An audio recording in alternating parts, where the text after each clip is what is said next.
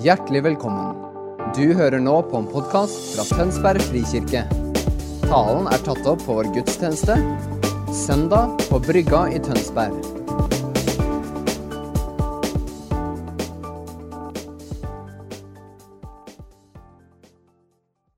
Jeg har lyst til å starte med en, um, en erfaring eller en liten fortelling fra mitt liv. Eh, for et par somre siden så hadde jeg sommerjobb som eh, Jeg liker å si snekker, men det, det var håndlanger. Jeg jobba med å snekre, barte egentlig bare planker en hel sommer. Uh, nede på Sørlandet. Vi bygde ja, litt terrasser, bygde noen hytter osv. Så, videre. så var det et prosjekt vi var på hvor det var en hytte som lå helt ute i skjærgården. og veien inn til den hytta den stoppa liksom en halv kilometer før vi kom dit.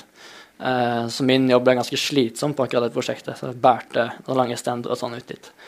Um, og så var det en av dagene hvor vi skulle bygge uh, Jeg tror det var når vi begynte på terrassen, så var det noen sånne lange uh, Var det to-åtte Ja, Simon nikker. Takk, Simon. to åtteflanker. tre stykker, tror jeg, som var liksom det siste vi trengte. Og det, de to snekkerne jeg jobba med, det skulle begynte å gå av gårde med det de skulle ha, og så skulle jeg eh, bære av gårde de. Og jeg klarte ikke å løfte de. jeg var altfor svak. Eh, jeg fikk det ikke til. Eh, så jeg, sånn jeg har én jobb, jeg skal bare flytte liksom, planker herfra til dit. Eh, jeg ble sånn skikkelig jeg vet ikke om det var demotivert, men jeg ble litt sånn misfornøyd med meg sjøl. Hvor det sånn, ok, her har jeg fått en oppgave. Veldig enkel utfordring, egentlig. Eh, men jeg får det ikke til aleine.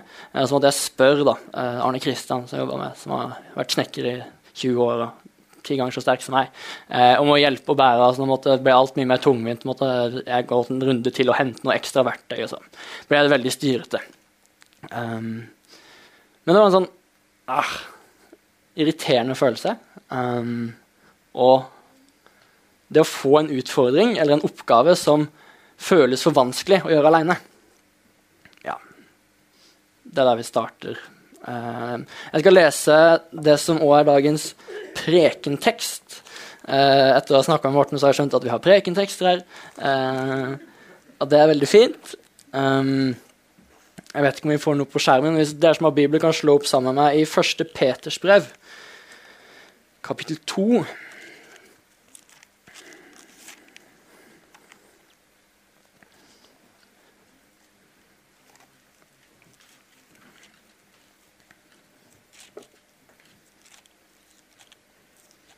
kunne planlagt og lagt det klart, men uh, da kan vi bla sammen.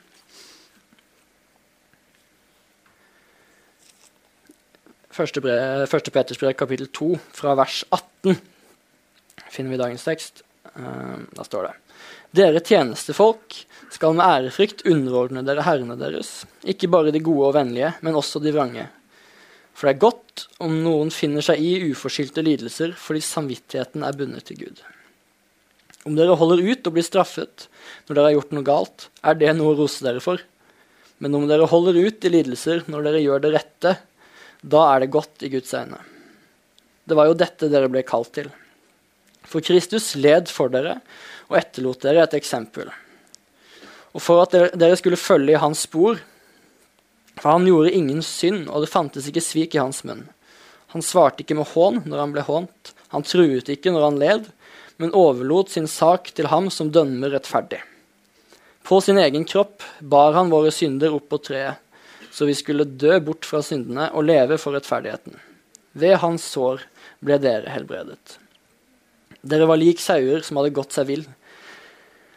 Men nå har dere vendt om til ham som er hyrde og tilsynsmann for deres sjeler. Hmm.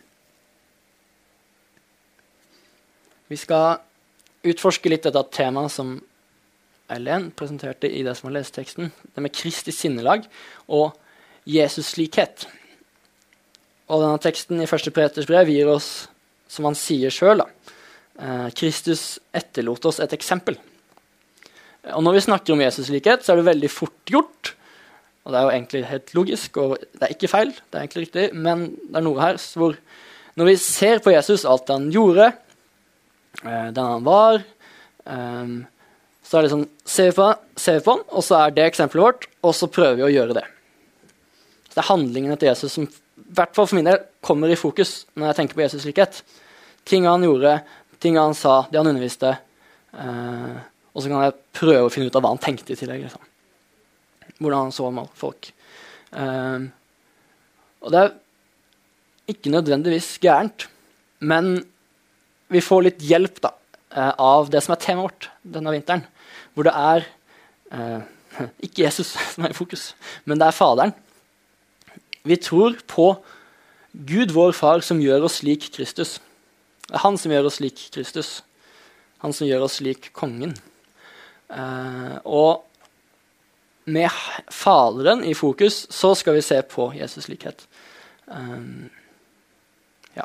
Gir det mening, den liksom, distinksjonen der, hvor Jesus likhet Ja, det kan være å se på det eksempelet, og det er mye det Peter viser til her. Eh, men vi skal bruke den teksten, se på den, og så skal vi ha fokuset på Faderen når vi etterfølger Jesus. Gir det mening? Ja. Så da. Um, jeg og uh, Frida, kona mi, vi har vært gift i snart to år nå. Vi leder unge voksne her i Frikirka. Og jeg ser det er noen voksne her i dag. Det er veldig fint. Godt å se dere. hei, Marie. Hei, Johanne. Um, og vanligvis når vi har disippel, som vi kaller det, så ønsker vi å gjøre mer enn å bare stå og undervise. Men vi har lyst til å sitte ned og snakke sammen. Og kanskje spesielt når det kommer til de delene av troa som er utfordrende temaer. Og jeg tror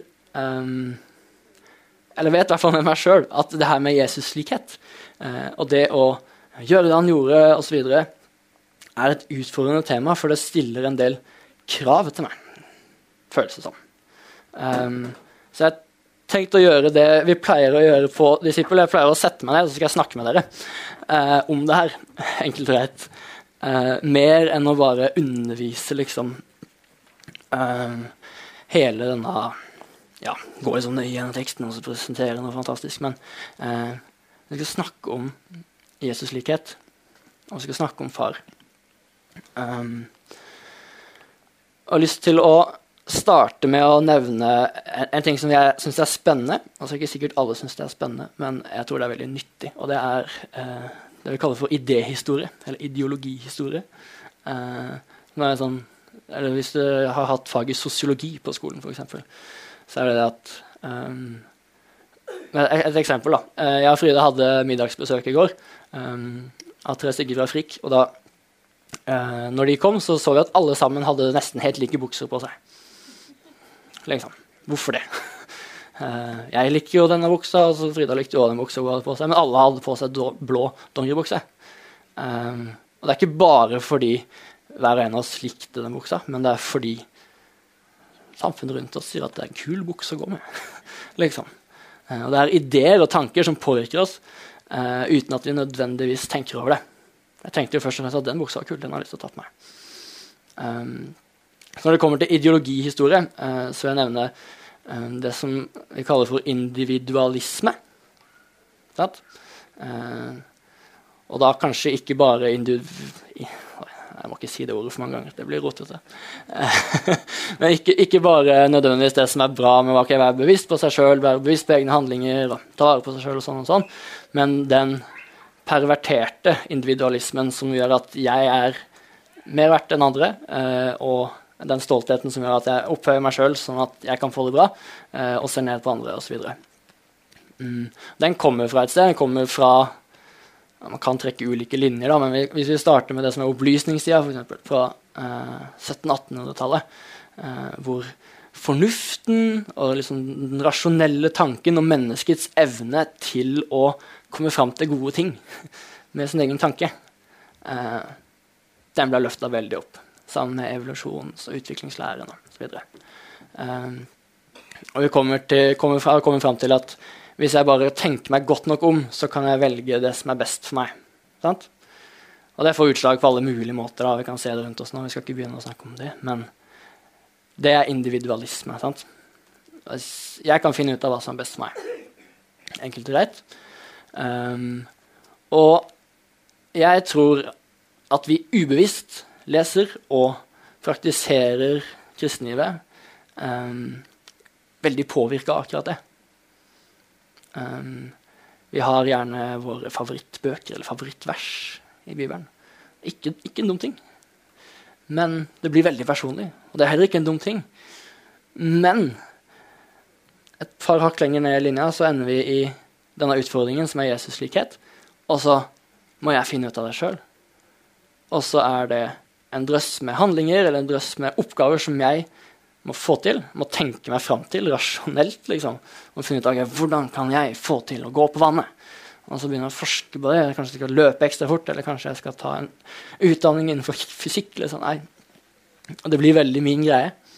Um, men denne boka er ikke skrevet til enkeltpersoner, men den er skrevet til uh, altså først og fremst et historisk folk, israelsk folk, liksom, Det gamle testamentet. Uh, og så til den første kirken på 60-, 70-, 80-tallet etter Kristus. Um, den er ikke skrevet til oss, men den er skrevet for oss. Den er skrevet til et fellesskap. Uh, så det å flytte tanken fra individ og 'jeg skal følge etter Jesus, og jeg skal bli lik Jesus', så kan vi flytte oss over til 'vi skal følge etter Jesus'. Vi er kirken, vi er Jesu kropp, sier Paulus. uh, som representerer han i denne verden. Eh, som Johannes sier i Johan, 1. Johannes eh, 3, at vi er som Kristus i denne verden. Ekstremt krevende, hvis det gjelder bare meg. Hvis jeg skal representere Jesus, alt det han var, med meg, mine egenskaper osv. Kjempekrevende. Men hvis det er oss, så er det plutselig en ganske overkommelig oppgave. Jeg tror ikke Gud gir oss uoverkommelige kall eller oppgaver. Uh, og jeg tror heller ikke hans prosjekt er et veldig vanskelig og nesten helt uoppnåelig prosjekt. Det er et prosjekt som funker utrolig bra. Det er kirka. Den har vokst ekstremt mye på de 2000 åra. Bare de siste 100. Det har skjedd utrolig mye. Det er ikke pga. at én person her eller én person der klarte å gjøre akkurat det Jesus gjorde for 2000 år siden, men det er fordi en gruppe med mennesker klarte å representere ulike karaktertrekk, ulike poenger ved Kristus. Sant? Flytter fra individ til kollektiv. Um, og en annen måte å se på det på, eller argumentere for det her på, er uh, å se ok, hvordan var det Jesus snakka om Gud når han kom. I Det gamle testamentet så er det ekstremt mange navn på Gud. Uh, kan ikke alle. Uh, jeg tror det er et stykke over 100 forskjellige navn på Gud. Men når Jesus kommer som og kaller seg selv for menneskesønn. Han er menneske, først og fremst, når han presenterer seg selv. Så kaller han Gud for far. Og så når han lærer disiplene sine å be, så sier han at dere skal be vår far, ikke min far. Det hadde vært veldig fint hvis jeg kunne be min far i himmelen. Um, men det er viktig at det er vår far. Um, ja. Uh, Det, det, er litt ironisk at jeg, at jeg har fått dette temaet. her. Jeg snakka med Morten for, forrige uke.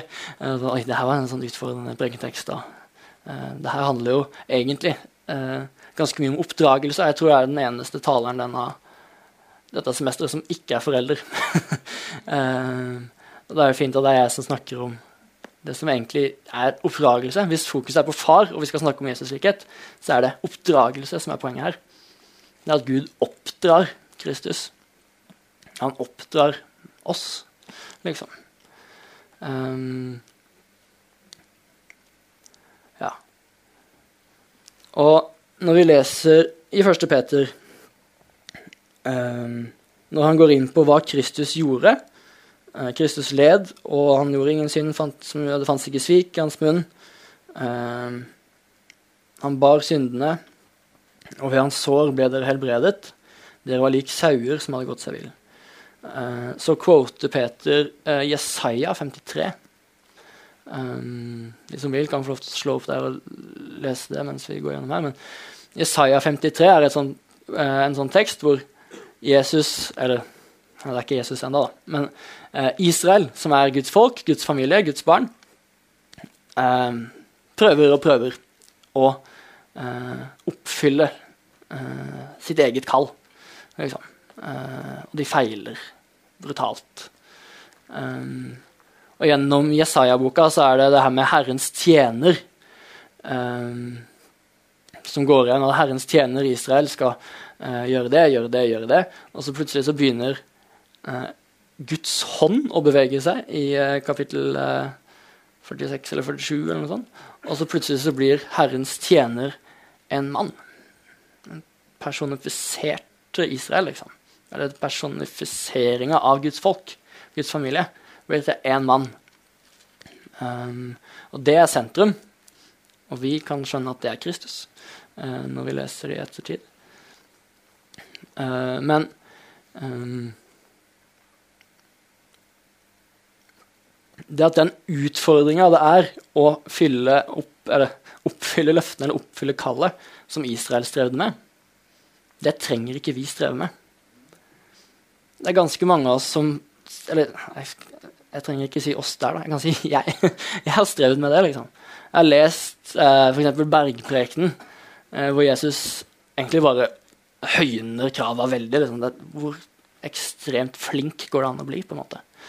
Eh, det blir veldig vanskelig, syns jeg, når jeg leste, leser det. Spesielt når jeg var i 16-17-åra husker jeg var på et møte og så nevnte noen noe fra Bergprekenen, og så ble jeg veldig inspirert. Og Så leste jeg Bergprekenen, og så ble jeg veldig demotivert. uh, skal være lys og salt i verden, liksom. Skal jeg være lys og salt i verden? Ja. Nei, nei, nei. nei. det orker jeg ikke. Kjempeutfordrende. Og jeg tror at altså det individualiserte kristenlivet som jeg i hvert fall har erfart at jeg har brukt altfor mye tid i, eh, blir et prestasjonsbasert kristenliv. Gjør det mening? Jeg kan si det en gang til. Et individualisert kristenliv blir til et prestasjonsbasert kristenliv. Hvis jeg alene skal være kristen, som opprinnelig betyr mini-Kristus, liksom, en liten Jesus Hvis jeg skal være det, så blir det prestasjonsbasert. For jeg får det ikke til aleine. Uh, det Ja. Uh, vi, vi, snakker mye om det i disipler, og vi sier at um, vi deler liv, deler tro, og lærer uh, av og med hverandre og Jesus. Um, og det er på en måte den treningsbiten eller oppdragelsesbiten. Vi gjør den sammen. Spiser mat sammen, snakker om tro, ber sammen. Uh, og så blir jeg litt bedre kjent med Jesus, ikke fordi nødvendigvis himmelen åpner seg hver gang, men fordi jeg får snakke med uh, Marie, eksempel, og hun har tenkt på det når hun leste de versene som vi nå leste. Og så bare, Oi, det har ikke jeg tenkt på. Så er det, gått bibelskole, og jeg har gjort det og det og det? Men når jeg snakker med en annen person som òg er i Kristus, uh, så lærer jeg mer om Kristus. Mm. Så skjønner jeg hvordan utfordringa i denne oppdragelsen den klarer vi ikke alene, den trenger vi å ta som fellesskap. Um, hvis det er noen her som har studert uh, pedagogikk, uh, eller noen som har lest litt foreldre, sånn oppdragelsesbøker, noe, så snakker man ofte om uh, utfordring og støtte. Når du skal oppdra et barn, eller når noen skal vokse og lære ting, så trenger du utfordring, og det trenger støtte. Mm. Og Jesus har absolutt gitt oss utfordring. Um, og Peter, når han skriver dette brevet til uh, en menighet i Tyrkia, eller menigheten i Tyrkia, uh, utfordrer de absolutt. Uh, de, de, blir forfulgt av de ja, altså, de, de jødiske um, skriftlærde for å praktisere tro, altså, praktisere troen på at Jesus var, var Messias. Eh, derfor blir de forfulgt. Eh, og så sier Peter at ja, Jesus led sånn som dere led, lider nå, eh, og det er bra. liksom. Kjempeutfordrende. Men jeg tror da at idet vi tar utfordringa ikke som enkeltperson, for da blir jeg deppa og får ikke til. Men som fellesskap, når vi tar den utfordringa og eh, står opp for sannheten, være lys og salt, eh, og eh, følge etter Jesus, praktisere troa, eh, når vi gjør det, så er det absolutt utfordrende. og vi er ganske privilegerte nå. på en måte. Vi, vi, har det relativt greit. Og så er det noen ting som kan begynne å bli utfordrende, men alt i alt så kan vi gjøre det vi ønsker å gjøre eh, som troende. Eh, vi blir bare ikke heia på hele tida av hele verden. Og det, og, det, kan være utfordrende. men han, Peter sier det litt sånn som Hilde sa i stad, egentlig. Altså, altså, det er ikke vanskelig å gi kompliment til folk du liker. Det er, sånn. det er ikke vanskelig for meg å gi kompliment til Frida, som jeg er gift med. Uh, hun er jeg veldig glad i. Men når jeg møter de menneskene som jeg ikke er veldig glad i, de som kanskje irriterer meg, de som uh, sier at de hater meg, f.eks., de som jeg opplever er veldig imot meg Når jeg møter de, da er det vanskelig å oppmuntre og vise kjærlighet tilbake. Men det er den typen kjærlighet Peter sier at vi skal gå etter. da. Uh, og det er den typen lidelse, for å bruke det ordet, uh, som denne utfordringa kaller til. Tror jeg, da. Um, mm. det er, hvis du ser på kirkehistorien, så er det alltid den kirka som utfordres. Uh, ofte den som forfølges som vokser mest. Og flest kommer til tro uh, hvor flest mennesker lever ekstremt overgitt. Mye mer overgitt enn jeg uh, har lyst til, ofte. Eh, det er den kirka som, eh, som lider, liksom. Det var vel Markus Berlin fra Åpne dører som var her for noen uker siden. sa vel at, at det er eh, kirka i Iran hvor du blir fengsla og straffa for å eie en bibel, gå på gudstjeneste. Det er den som vokser mest, liksom. Det lærer oss noe, det utfordrer oss, men det lærer oss noe om lidelse. Det sier noe om utfordringa. Mm. Og så går vi til en fin del, og det er støtte. Eh, det er fint. Eh, det ser ut som gudstjeneste eh, ofte for oss. Uh, vi kan komme inn til fellesskapet og så kan vi kjenne at Gud holder det han lover. Han er med oss alle dager inn til verdens ende. Han har gitt oss sin ånd. Liksom. han støtter oss. og Jonathan Helser, er lovsangsleder og ja, lærer som jeg er veldig glad i, like godt, sier at We are found by a father and formed in a family. Det er et bra ord. Jeg skal ikke ta creds for det sjøl. Det er et veldig bra ord. Vi er funnet av en far, og så er vi formet i en familie. Den er, den er utrolig god. Og um, når vi bruker tid i denne familien, um, så er det ikke bare Rent praktisk er det den lokale kirka. Liksom. De kristne du har rundt deg, som du deler liv med. Uh, men å lese fra Efeserbrevet uh, kapittel 2 I Efeserbrevet kapittel 2 uh, vers 19 så står det at dere er de helliges medborgere og Guds familie. Så den familien vi er plassert i, er større enn bare det fellesskapet du har rundt deg nå. Og den er evig. Um, vi kan si mye interessant om uh, helgenlæren opp gjennom kirkehistorien, men, men, det at vi er en del av de hellige liksom. Vi er hellige, vi er de helliges medborgere. Like før i kapittelet så står det at vi er satt i himmelen ved siden av Kristus. Eh, vanskelig å skjønne, men jeg tror poenget er at vi er en del av denne familien som er større enn bare oss her nå.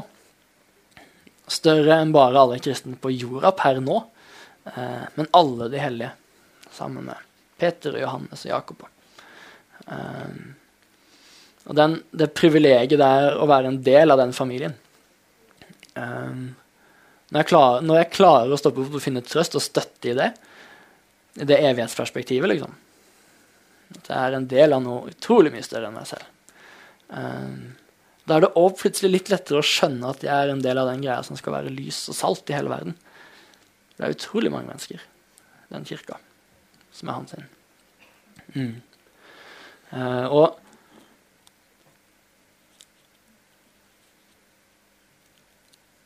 Hvis vi går til første eller andre sida i Bibelen, uh, i første Mosebok kapittel 2, Så bare En interessant greie som jeg kom på i går. Jeg husker ikke hvor jeg hørte det, men når jeg leste så Første sted i Bibelen hvor det står at noe ikke er godt. Liksom. Noe som ikke er godt for mennesket. Det kommer det ganske mye av når du kommer et stykke lenger ut i profetbøkene. Sånn, er mye som ikke er godt. Uh, men det aller første som ikke er godt, det er å være aleine. Det, det, er ikke godt for Adam, for mennesket, å være alene. Derfor skapte han mennesket som mann og kvinne.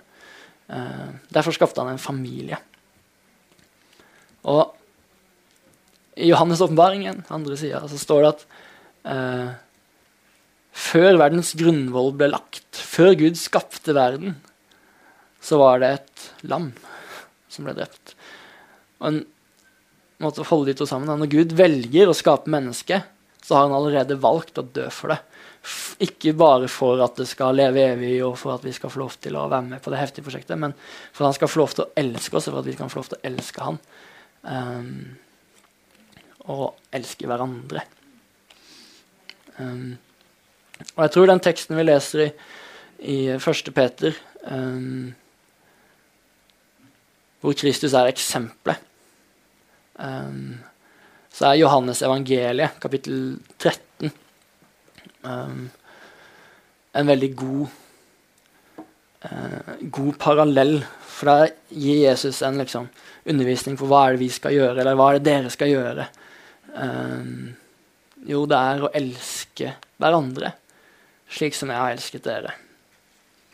På dette skal hele verden se at vi er Guds disipler. Vi er Jesu disipler. At dere elsker hverandre. Det er Johannes 13, 35.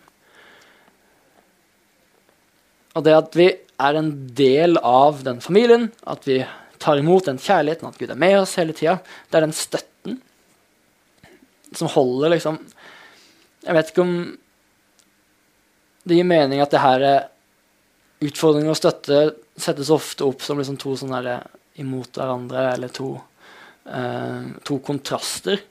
Um, men det at de skaper litt sånn spenning, i det mening. At uh, det er en spenning mellom kallet til å leve det kristne livet og kallet til å kjenne Gud, være en del av hans familie. Det er en spenning der, og den driver oss framover. Og den som oppdrar oss. Mm. Det er en, eh, en underviser som heter Eller uh, en amerikansk pastor fra tidlig 1900-tallet, tror jeg. Uh, Tozer, noen som har hørt om han? A-W Tozer. Um, han sier at det vi tenker på når vi tenker på Gud, er det aller viktigste ved oss. Det du tenker på, det, What comes to mind when you think about God? Is the most important thing about us.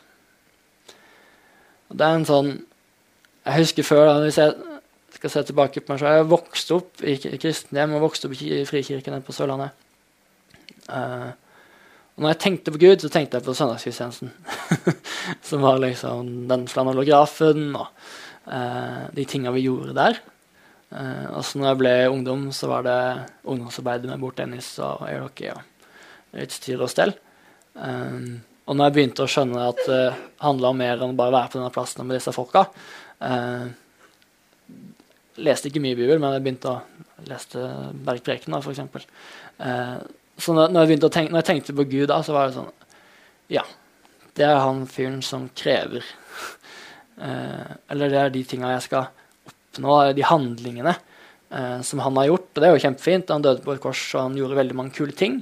Det er jo kjempefint for meg. Uh, men jeg fikk veldig fokus på de, liksom, de handlingene. Uh, og jeg tror da at Jesus gir oss et eksempel, som Peter sier, uh, når han sier at Gud er far. og Gud sjøl proklamerer at Jesus, dette er min sønn, som jeg har min glede i. Liksom. Det gjør han før han har gjort noe som helst. Før Jesus begynner sin tjeneste, så døpes han. Og så åpner himmelen seg, og Den hellige ånd hviler over han. Og så roper Gud med en stemme som kan høre liksom, fra himmelen. Det høres vilt ut. Han sier at 'dette er min sønn, som jeg har min glede i'. Det sier han over hver og en av oss, før du gjorde noe som helst. Idet du satte blikk på han og sa 'jo, han vil jeg tro på', så sa han 'det her er min sønn, det her er min datter', som jeg har min glede i. Før du gjorde noe som helst. Og det er veldig rart, som det ikke er så rart, kanskje, men det er, det er litt rart at vi etter det, etter vi da begynner å praktisere, at vi faller inn i en sånn derre få til, oppnå, etc. Uh, Nei, altså, jeg, jeg, tror det er noe hjelp, behjelpelig da, i et eksempel fra liksom, hvis, du, hvis, du, har eh, Jeg husker når jeg lærte meg å stå på ski da jeg var sikkert sånn to-tre år. Eh, så jeg sånn, står der, så skulle jeg hoppe. Hoppe, eh, hoppe på et lite skihopp. Og så roper jeg opp 'Pappa, pappa, se! Se! Vær så snill, se! Se på meg! Se på meg! se på meg!' Det ligger i oss liksom, den barnligheten om å bli sett av Gud og imponere Han det ligger i oss en kjempefin ting. Uh, den lengselen etter å ha relasjon, den lengselen etter å være med faren vår, den ligger der. Um, men det er òg en veldig enkel ting, tror jeg av og til, da, for motstanderen vår å hoppe inn med en liten løgn der og si at hvis du får til det her nå, da kommer han til å si at han elsker deg. Hvis du får til å legge hånda på han som ikke er nå, og så si noen rare ord, og så skjer det noe. Hvis du får til det, da er du med i familien liksom, eller på prosjektet. Det er veldig fort gjort å begynne å tenke det. Jeg husker jeg gikk bibelskole for to år siden, og jeg hadde begynt å eh, bli utfordra på å profetere, sånn profetisk betjening. Og da hadde jeg aldri gjort det før. Eh, jeg tror jeg og Ingunn sto sammen. Og eh, jeg fikk det til. Det var kjempekult. Det var en uh, pastor som profeterte og som begynte å grine. Det fantastisk. Jeg var kjempefornøyd. Det var supert. Men det er kjempefort gjort for meg å ende opp med å tenke at ja, men da er jeg bedre. Det er jo bedre enn Johanne, som jeg var med, for det var ingen pastorer som grein der hun sto og ba.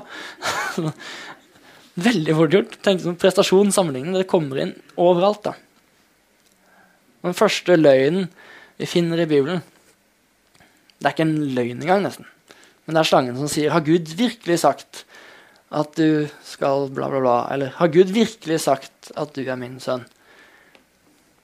Det djevelen utfordrer Jesus på sant, i ørkenen. Hvis du er Guds sønn, så gjør det her. Hvis du er Guds sønn, så hopp ned her, for han kommer til å redde deg. Det er det vi blir utfordra på hele tida. Jeg tror det er så utrolig fint å høre på Olav Slåtten som talte forrige uke. For jeg kjenner når han forkynner det han underviser hele tida. Guds farskjerte. Så er det sånn, det her er det eneste vi trenger å snakke om, egentlig. Så kan vi gå på bibelskole, eller vi kan ta et nettkurs om helbredelse. eller noe sånt. Det er supert. Men liksom, det vi trenger å ta imot, den støtten vi trenger, den sannheten, den veien vi er på, til livet. Liksom. Det er et liv som sønn, som datter. Uh, så jeg syns det er fint da, i Filipperne, hvor det er Kristi sinnelag. Det er Kristi sinnelag vi skal strekke oss etter, liksom. Det er ikke Kristi handlinger. Så, jo, det er den utfordringa, men det er Kristi sinnelag som er sånn Jeg er sånn da kan det skje veldig mye kult. Da kan jeg ende opp med å gjøre veldig mye kult, veldig mye spennende. Men Kristi sinnelag, det er den sannheten at du vet at du vet at du vet, som Morten er veldig flink til å si. At du er elska, at du er nok. Uh, jeg vet ikke hvor mange flere søndager vi skal snakke om der, men jeg håper det er flere. Uh, for det, det, er så fint. Og når vi bruker tid i lovsang, uh, og når vi samles, når vi ber sammen uh, som familie, uh, så får vi se nye ting ved Gud. Um, så tror jeg ofte utfordringen er å liksom se seg opp og se seg rundt. Ikke se ned og se på seg sjøl, og hvordan er det jeg holder hendene, hvordan er det jeg synger? Uh, hvordan er det jeg ber, egentlig? Det kan jeg fort begynne å tenke når vi begynner å, når noen ber på scenen. Hvordan er det jeg ber? Men når vi ser oss opp, ser oss rundt uh, så blir vi kjent med mer av Gud. Um, Bill Johnson sier at han, han frykter Gud i andre mennesker. Liksom. Jeg vet ikke helt hva det betyr, men det høres lurt ut. Nå frykter Gud i andre mennesker. Helst de som du ser er ganske forskjellige enn deg. Vet du at En av grunnene til at uh, ungdommer som vokser opp i kirke, blir, mister troa når de blir uh, unge voksne, og det jobber vi en del med, så en av, en av hovedgrunnene til det er at det ikke er noe at det er disconnection, eller ikke er relasjon mellom generasjonene. Du har ikke relasjon til noen andre kristne som er i en annen alder enn deg. Um, for da er det kun de som er så like som deg som mulig, som er kirka di. på en måte, Og så flytter du rundt på deg, og så er de som er så like som deg som mulig, de andre på studiet eller de andre der og der. Og så rusler du av, gårde. Mm. Men jeg syns Jan Helge sa det så fint når han snakka om Guds herlighet for to uker siden. At det er Guds herlighet som åpenbarer nå kvoter jeg det er sikkert feil, da. Men uh, det er Guds herlighet som åpenbarer Faderen. Jesus viser oss Guds herlighet som viser oss Faderen. Uh, og det er i herligheten, i Guds nærvær, i Guds familie, uh, at vi kan være ett. Det er ikke under denne læresetningen. Det er ikke hvis flest mulig går i blå dongerilins. Men det er hvis Gud kommer nær med sitt nærvær, med sin støtte. Eh, da kan vi holde sammen som familie. Mm. Ja. Jeg har lyst til at vi skal gjøre en liten sånn aktivering. Eh, eh, vi når jeg underviser på bibelskolen, så bruker mye en, en erkebiskop og en teolog som heter Tom Wright. Han sier at den beste måten å bli bedre kjent med Gud på, er å be med noen andre. Uh, så jeg vil at dere skal snu dere litt sånn rundt til de, ja, to eller tre stykker uh, rundt dere, og så be for hverandre um, om at dere skal bli, bli, bedre kjent med Faderen. Uh, så kan lovsangsteamet få lov til å komme opp og begynne å klimpre litt, hvis dere vil det. Um, men at vi ber for hverandre midt i denne, dette semesteret hvor vi snakker om far, og ber om at vi skal bli bedre kjent med far, liksom. Ja. Vi bare gjør det litt nå.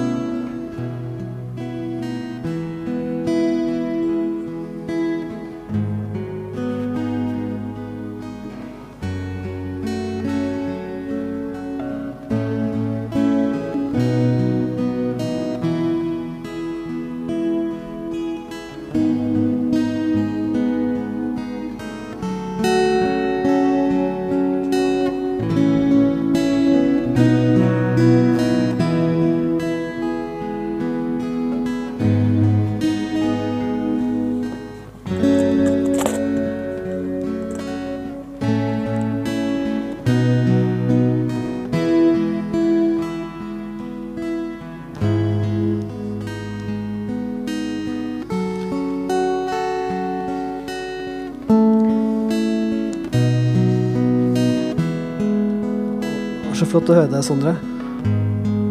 Jeg er litt misunnelig på de som fikk lov til å be i grupper, men jeg tenker at det, det å lovsynge er jo litt det samme som å, å be. Så mm. ja. Før vi gjør det, jeg har lyst til å lese um, noen vers fra en salme jeg fikk uh, på bønnemøtet i dag på morgenen.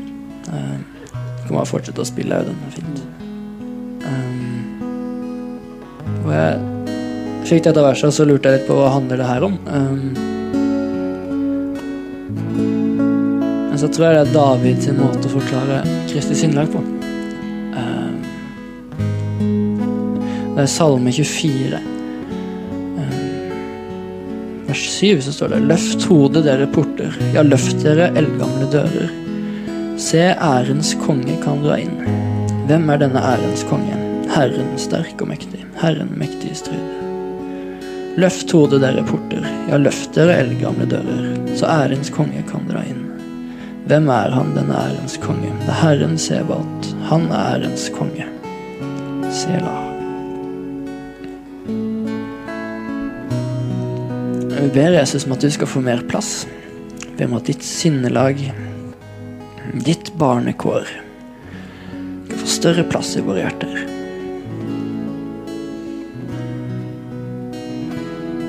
Jeg takker deg, far, for at du er en far for farløse. Takker deg for at du forbinder et sønderknust hjerte. Gir turbanflaske. Mm.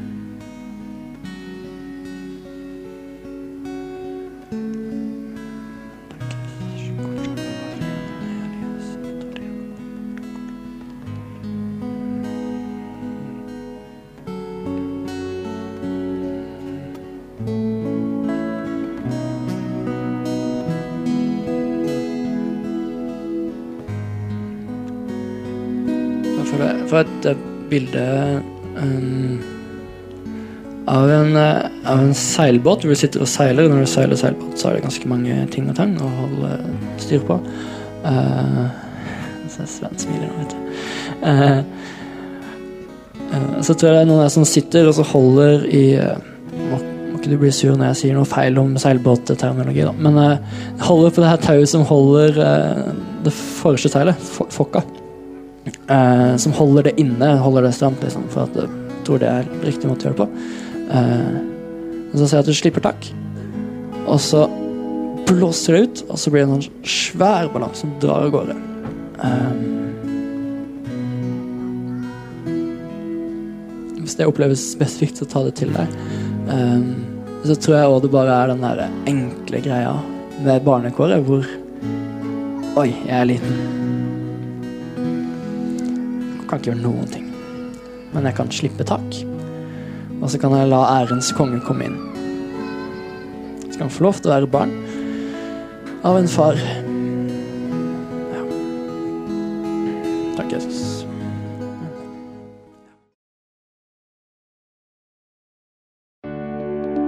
Takk for at du hørte på vår podkast.